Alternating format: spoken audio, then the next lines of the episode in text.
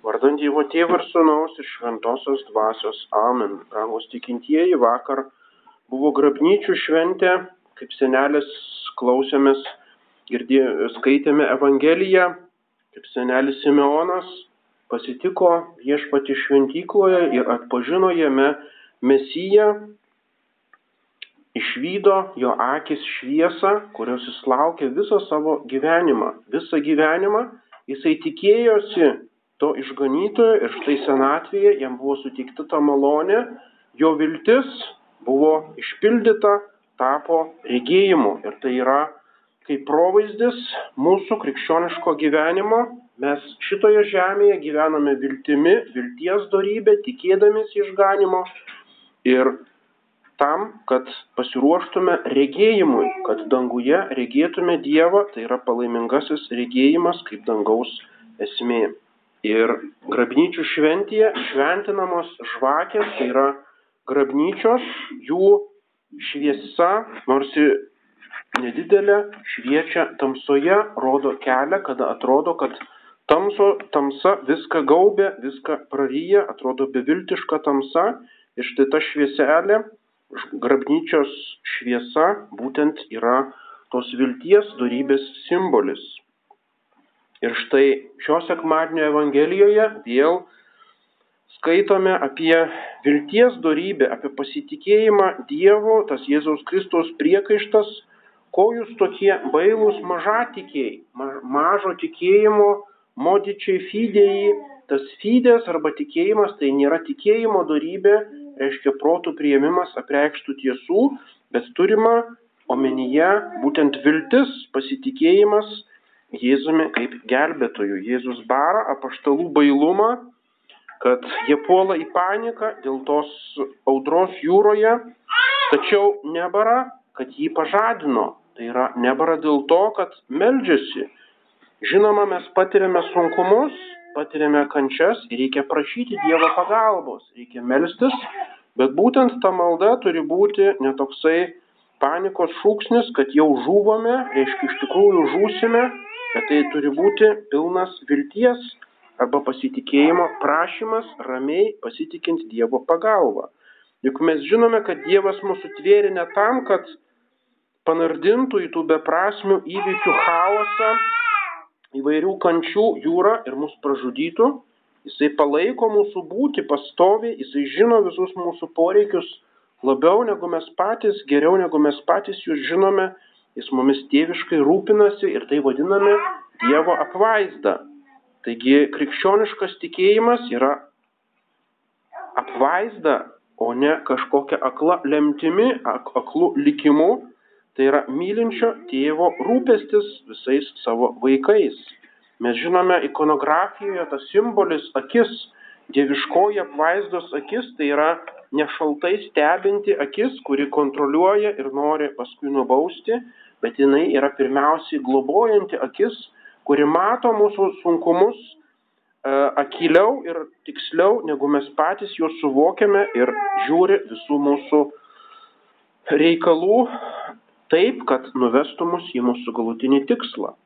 Ir Jėzus Kristus, Dievo sūnus, kodėl jisai įsikūnijo, kad būtų su mumis, kad būtų tas Emanuelis, Dievas su mumis, ta gyva įsikūnijusi apvaizda, kuri gelbsti, kuri teikia malonės.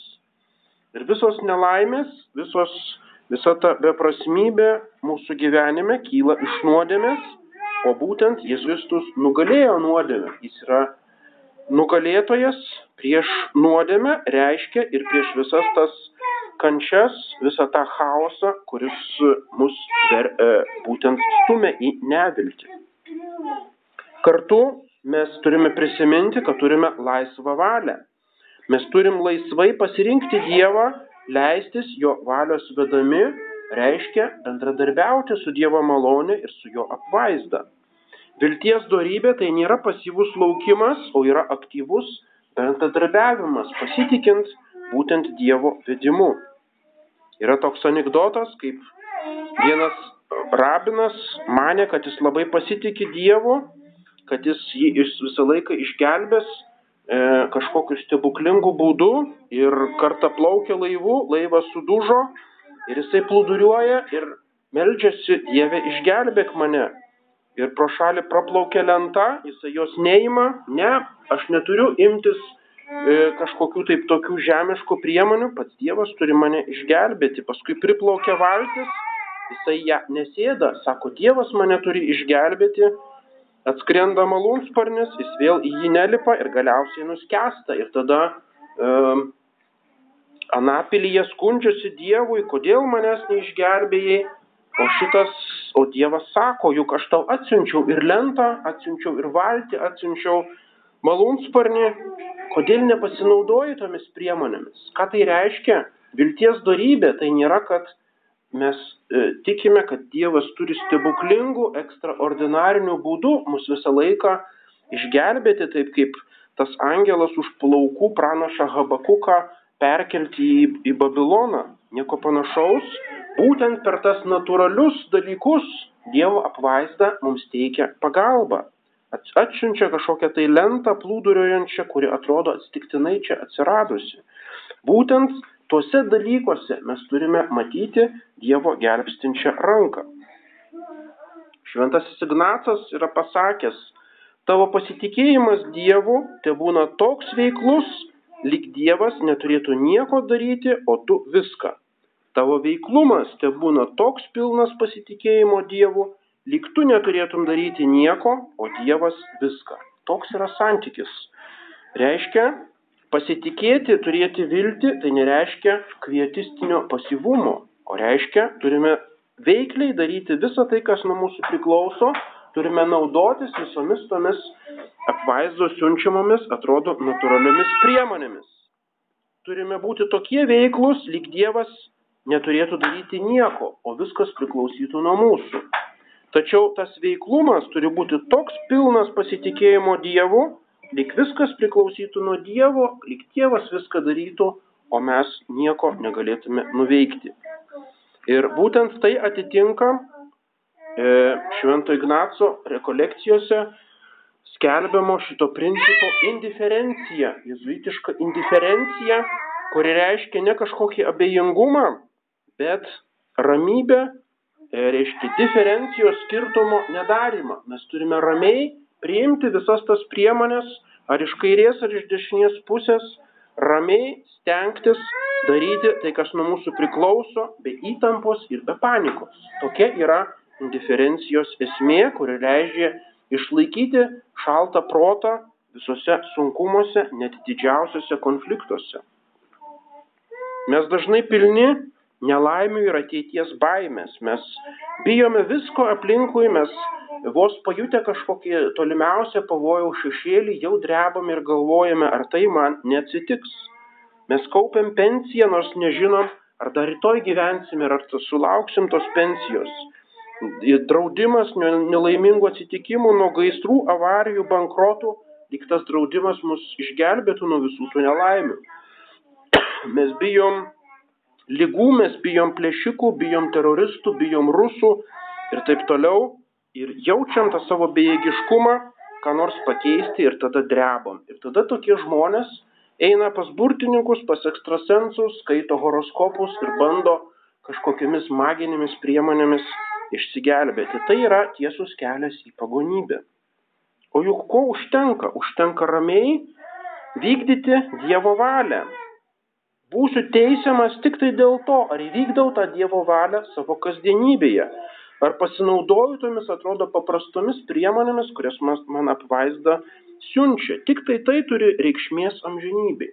Mano darbas, mano pareigų atlikimas, kažkokia nelaimė, ar aš ją kantriai pakeliu, kažkoks žmogus, kuris atrodo e, greuna mano gyvenimą, ar aš teisi, pagal teisingumą ir artimo meilę su juo bendrauju ir taip toliau. Nuo visų šitų dalykų mano, valios, mano laisvos valios sprendimo ir reakcijos į tuos dalykus priklauso mano išganimas. Ir būtent per tai apvaizda mane veda. Tai yra didžiausias vilties šaltinis, kad visi tie dalykai nėra kažkokie chaotiški, bet būtent jie visi yra tos Dievo apvaizdos man pritaikytos priemonės. Ir visa tai taip pat galioja bažnyčios gyvenime. Ką mes matome šiandien, baisi bažnyčios krizė. Atrodo viskas griūva, žmonės nebesidomi Dievu, visuotinė sekularizacija, visuotinis atkritimas, netgi kaip popiežiaus nebeturime, kuris, į kurį galėtume žvelgti su viltimi, atrodo viskas beviltiška. Tačiau mes turime viešpati Jėzų Kristų tabernakulyje, mūsų koplyčiose ar bažnyčiose, didesnėse ar mažesnėse, taip kaip papaštalai turėjo Jėzų Kristų savo valtyje. Tai kaip mes galime kažkuo tai abejoti? Kaip apaštalai galėjo net pagalvoti, kad ta valtis nuskęs ar pražus, jeigu Jėzus buvo? Taigi Jėzus turi savo misiją išganyti pasaulį. Net teoriškai nebuvo įmanoma, kad Jėzus Kristus būtų pramiegojęs ir ta audra būtų visus paskandinusi. Tai yra neįmanoma, nes tai prieštarautų Jėzaus misijai. Ir lygiai taip pat Jėzus Kristus yra bažnyčiose, yra kiekviename tabernakulė. Tai kaip mes galim net abejoti ar galvoti, kad Jėzus Kristus nepasirūpins savo bažnyčią, kurią jisai įsteigė. Net teoriškai neįmanoma, kad ta valtis nuskestų arba kad pragaro vartai nugalėtų bažnyčią ir bažnyčia sugriūtų.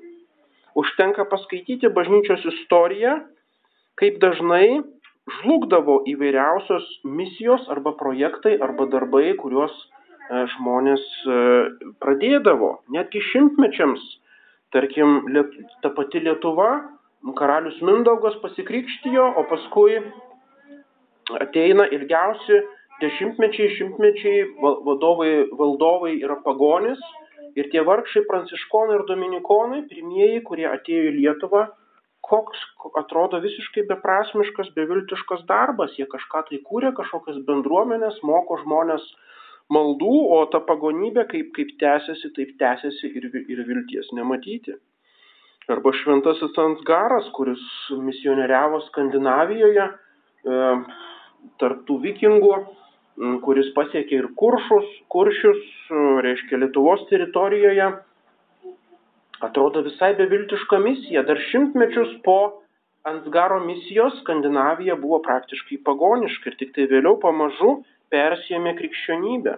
Arba visos tos misijos Kinijoje, Japonijoje, Azijoje e, atrodo dirba kelis dešimtmečius misionieriai, negailėdami jėgų, pralieja savo kraują, o paskui ta misija atrodo šimtmečiams sužlunga, kol vėliau vėl Dievo apvaizda ją atgaivina.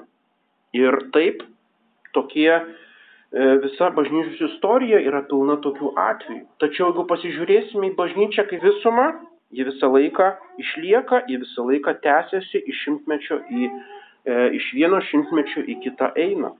Ir taip yra su brolyjos misijomis. Ką mes žinome, gal mūsų misija ar prioratas Lietuvoje žlugs?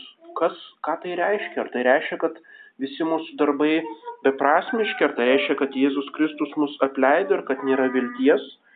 Visą tai mes turime palikti Dievo apvaizdai, mes turime ramiai atlikti savo darbą, mes turime melstis ir viską palikti Jėzaus rankose, nes būtent ten yra sudėtos visos mūsų viltis, yra, tai yra saugiausias prieglopstis e, visoms, visiems mūsų planams ir visiems, e, visoms vizijoms apie ateitį. Čia yra mūsų žemiškasis gyvenimas ir nuo tos Dievo apvaizdos priklauso taip pat mūsų amžinasis išganimas ir E, amžinybė. Amen. Vardant Dievo Tėvų ir Sūnaus iš Šventosios Dvasios. Amen.